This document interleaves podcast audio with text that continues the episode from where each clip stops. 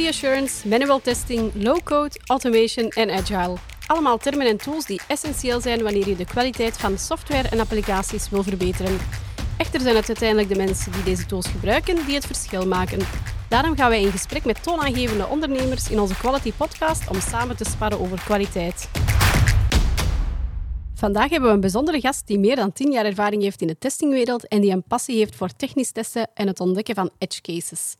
Hij is Testing Ninja of the Year 2021, uitgeroepen door het Ministry of Testing. En hij heeft ook een aantal bug challenges gewonnen. Christophe, vertel eens, wie ben jij en wat doe je? Um, ik ben Christophe van Kikkingen. Ik ben een technical test consultant bij AE. Ik doe performance testing, automation, test automation, ook gewoon DevOps. Um, coaching en ik ook dus ook een beetje een trainer. Uh, ik ben een grote security enthousiast, vooral webapplicaties en API's. Uh, breek graag dingen af, dus ja, wat kan ik zeggen? Um, wat doe ik graag on the job? Um, uiteraard coaching, dat doe ik heel graag. En technical exploratory testing sessions organiseren. En op zoek gaan naar edge cases op een heel out-of-the-box manier. Uh, in mijn vrije tijd speel ik wel eens graag videogames, maar ik test ook wel, of ook gewoon software. Uh, wat ik ook nog doe in mijn vrije tijd is ik ben podcast host zelf bij Ministry of Testing. Ik host daar de Annual Partner Peaks en een testingspelletje genaamd Test Violet.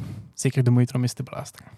Dat gaan we zeker doen. Zo te horen heb je heel wat ervaring meegebracht. Edge cases, dat klinkt heel complex. Maar wat zijn ze en waarom zijn ze zo belangrijk? Um, edge cases, om het simpel uit te leggen. Uh, edge cases zijn heel unieke of exotische testcases. Testcases die eigenlijk amper voorkomen. Wat bedoel ik daar net mee? Um, het zijn testcases die, op een, die een dagdagelijkse gebruiker eigenlijk nooit gaat tegenkomen in een applicatie. Echt maar 0,1% of zo, 1 op de 1000 van de gebruikers zal hiermee in aanraking komen. Puur omdat dat vereist gewoon een heel unieke workflow of een heel unieke user die bepaalde data moet bevatten of een grote hoeveelheid van data moet bevatten. En een gewone gebruiker gaat dat bijna nooit hebben. Um, soms worden ook wel eens requests of workflows gemanipuleerd. En zo ontstaan er dan ook edge cases, maar ja, dat leunt al wat meer richting security issues uit. Um, waarom zijn die belangrijk, vroeg je? Ik haal dan ook net aan, security issues. Dat is natuurlijk een heel goede reden. Tijdens COVID zijn er uh, zoveel meer hackers actief geworden die net zo van die dingen gaan zoeken en proberen te exploiten. Um, je hebt natuurlijk ook gewoon de stabiliteit en de uptime van je applicatie. Um, door edge cases kunnen er altijd dingen kapot gaan. Oké, en je zegt dat komt niet veel voor, 0,1 procent. Uh, kost het dan niet veel geld om zo edge cases te gaan opzoeken?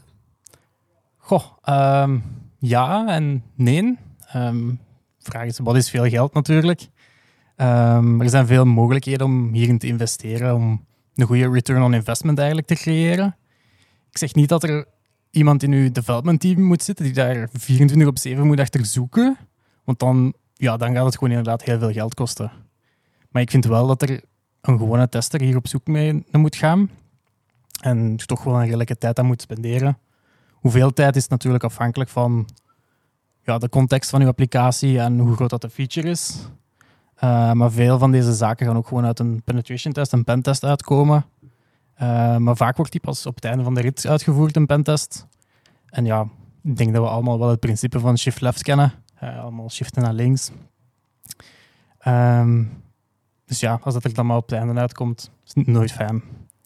Een pentest is ook niet 100% foolproof, uiteraard. Want dat zijn maar een paar mensen die een paar dagen gaan spenderen om, uw bugs uit uw applicatie te halen. Vooral ook security bugs.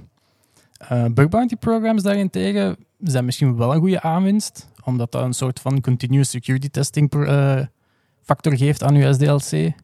Natuurlijk, ja, dat is ook op het einde van uw rit als het al eigenlijk in productie staat. Um, om een leuk voorbeeldje hierin te geven, ik heb ooit een manier gevonden om gratis te kunnen tanken met een tankkaart. En um, ze dachten dat niemand dat ging doen. Maar ja, toch, uiteindelijk, ja, ik had zelf geen productietoegang. Uh, dus ik ben naar iemand geweest die productietoegang had. En uh, ik had gewoon gevraagd, ja, kun je even deze query uitvoeren om te zien of er iemand in productie dat aan het doen is. En er popten drie users op. En dat was ene kerel, die was dat al maanden aan het doen. Dus ehm, aan mij stellen ze dan altijd de vraag van, als ik zo'n out-of-the-box test, edge case vind, Christophe, wie gaat dat ooit doen? En dat vind ik de verkeerde vraag. De vraag zou moeten zijn, wat is de impact en wat is de mogelijkheid dat die gaat voorkomen?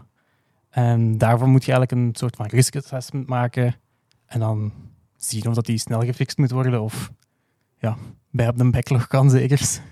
Helemaal mee eens. En ik kan mij voorstellen dat edge cases overal gevonden kunnen worden. Zijn er bepaalde bedrijven die er explicieter op moeten testen? Um, ik vind persoonlijk alle bedrijven, ehm, zowel klein als groot. Met klein bedoel ik dan ook zelfs startups en scale-ups. Um, hackers targeten tegenwoordig veel startups en scale-ups, omdat die net niet die security hebben en minder beveiligd zijn. Um, een start-up gaat ook heel vaak geen tester in dienst hebben, de eerste jaar of twee jaar, wat een grote, grote fout is, uiteraard. Um, dus ja, die zijn daar veel meer vulnerable mee. Ze zouden niet per se een tester in dienst moeten hebben, maar ze kunnen het natuurlijk ook wel zelf gaan uitvoeren. Hoe kom je op die edge cases? Um, zoeken, zoeken en nog eens zoeken. Uh, nee, nee. Um, langs de ene kant vereist het gewoon wat ervaring en kennis van de applicatie ook een beetje. Of net soms ook niet. Um, creativiteit en een out-of-the-box thinking mindset is wel... Ja, ik zou toch wel durven zeggen dat dat een vereisten is. Anders uh, gaat je er eigenlijk nooit op komen. Het is vaak zo als je op zoek gaat naar zoiets, dat je aan, aan de happy flow aan het denken bent en hoe dat het in het volgende gaat in het proces. Maar eigenlijk moet je gewoon denken, wat zou ik nu normaal niet doen? En dat gewoon doen. Net al het voorbeeld over het gratis tankje. Zijn er zo nog edge cases die jou zijn bijgebleven? Um, ja, uiteraard dan het gratis tanken met een tankkaart. Um, ik heb ooit gratis spullen kunnen kopen op Amazon. Um, uiteraard wel gerapporteerd en ze hebben dat gefixt. Infinite Loops wat zorgde voor enorme performantietesten, uh, performance issues. door een bepaalde workflow te doen op een bepaald uur, ging de server gewoon boom, bij wijze van spreken. Oké, leuk. Allee, niet voor uh, hun natuurlijk. Um, Ze hebben het kunnen fixen, dus dat is geen probleem. Dat is uh, het belangrijkste. Um, ik moet zeggen dat door wat je allemaal aan het vertellen bent, ik wel heel getriggerd ben om ook edge cases te gaan opzoeken. Kan ik dat leren? En als, hoe kan ik dat leren? Um, er is niet echt een, een bepaalde cursus voor hoe test ik out of the box of hoe vind ik een edge case. Maar wat ik persoonlijk vind dat helpt is online testlabs. Um, dat is super tof om te doen. Uh, bijvoorbeeld Hack the Box of Try Hack Me Labs. Um, die zijn natuurlijk wel vooral security gericht, met security vulnerabilities. Maar ik vind wel dat die uw manier van denken gaan aanpassen over hoe dat je naar een applicatie kijkt. Um, heel veel van de security issues zijn ook gewoon, alleen dat noemen ze business logic flaws. En ja, dat zijn gewoon dingen die een gewone tester ook kan vinden. En zo zijn er heel veel security issues die een gewone tester ook kan vinden. En ja, als ik, als ik iets zou mogen aanraden, zou ik het zo wel aanraden om, om het te leren. We gaan de URL's delen in de beschrijving. Zoals we weten wordt er ook meer en meer automated getest en neemt machine learning de laatste tijd enorm toe in de populariteit. Maak jij hier zelf ook gebruik van om edge cases uh, mee op te sporen? Hmm, goeie vraag.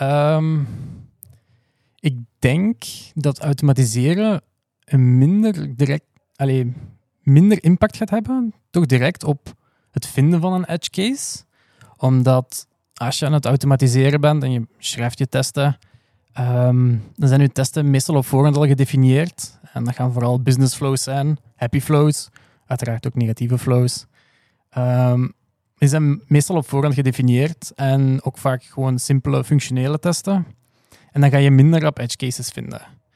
Um, als je aan het automatiseren bent, ga je wel op een bepaald moment zoiets ideetjes krijgen van hmm, ik ben er dit nu aan het maken, maar wat als ik dat zou doen? En dan ga je inderdaad wel ja, de gedachte krijgen van oké, ik ga dat eens proberen. Je gaat dat gewoon eens doen en zo kun je dan zeker wel uh, bepaalde edge cases gaan vinden. Uh, machine learning, daar durf ik geen antwoord op geven. Um, ik heb daar zelf veel te weinig ervaring mee en kennis om daar echt een goed antwoord op te geven. Dus uh, no comment. Geen probleem. Je bent heel enthousiast over edge cases. Um, waarom zoek je er zo graag naar? Goh, uh, ik denk dat ik nu voor elke tester spreek die een bug vindt. Um, adrenaline, dopamine, um, het eureka of het aha-moment. er is niks fijner dan een bug vinden in, in een applicatie. En persoonlijk vind ik hoe moeilijker die bug te reproduceren is, of hoe ingewikkelder de stappen zijn, hoe fijner dat het gevoel is. Uh, ik denk dat in het begin van je testingcarrière, dus elke junior tester, een gat in de lucht springt als je uh, een, een, bug vindt waar dat een, een, veldje niet verplicht is, dat wel verplicht moet zijn. Maar na tien jaar ervaring kijkt je daar toch wel anders naar. um, in mijn geval toch. En uh, ja, dan zijn die simpele dingen, die maken die minder blij. En hoe ingewikkelder, hoe toffer. Hoe beter. Oké. Er zullen uiteraard mythes en misconcepties zijn van edge cases in software testing? Um, ja, zeker en vast. Uh, edge cases zijn niet relevant. Uh, de mentaliteit van dat gaat nooit voorkomen, dat vind ik dat eruit moet. Het moet de vraag zijn van uh, wat is de impact, hè? hoe vaak gaat het voorkomen, risk assessment turn. Um, edge cases zijn ook heel tijdrovend. Dat, dat is ook vaak iets wat gezegd wordt. Um, ik vind dat persoonlijk niet per se. er zijn dingen dat ik al gevonden heb na vijf minuten, bij wijze van spreken. Um, sommige dingen duren inderdaad een paar uur of zo. Maar ik vind niet dat je daar een bepaalde tijd op kunt plakken. Um, niet iedereen moet naar edge cases zoeken, als in bedrijven. Um, ik denk zodra je een, kritieke edge case hebt of een security vulnerability, dan zal je daar direct op wel, allez, je zal wel direct opmerken waarom, waarom dat het zo belangrijk is. Um, dus ik wil ook gewoon zeggen, kleine bedrijven, start-ups, scale-ups, die moeten er even goed uh, ook tijd aan spenderen als een grote bedrijven, gelijk een bank bijvoorbeeld. Oké. Heb je nog een laatste woordje over edge cases? Um, kijk edge cases niet als een exotische optionele test. Um, ja, ik, ik zeg altijd, uh, we zijn 2023. Regular test cases aren't good enough anymore. Um, hoe meer mensen uw, applicatie kunnen gaan exploiten van buitenaf, ja, je gaat je eigenlijk moeten tegen beveiligen. Functionele testen, non-functionele testen. Klopt. Hoe kunnen mensen jou contacteren? Um, ja, dus mijn naam is Christophe van Krikkingen. Je vindt me zeker terug op LinkedIn. Uh, ook op Twitter, Christophe underscore VK. Uh, eh, op de Minister of Testing forums kan je me ook terugvinden als Ad Christophe. Jawel, de originele. Um, en als je graag in het echt eens wilt komen babbelen, um, ik host ook uh, meetups in het Leuvense in België. Uh, kan je gewoon terugvinden op meetup.com onder de naam Ministry of Testing Meetups. En ik zal dit jaar ook aanwezig zijn op Testbash UK in september. En jullie bedankt voor het luisteren naar deze aflevering van de Quality Podcast, waarin we jullie hopelijk weer wat nieuwe inzichten hebben kunnen geven rond kwaliteit. Vergeet je zeker niet te abonneren op onze podcast via Spotify, Apple of Google Podcasts. En uiteraard vind je ons ook op sociale media. Heb je nog vragen of ideeën over deze podcast? Of wil je zelf eens te gast zijn? Stuur ons dan een berichtje via mtq.be slash podcast. Tot snel!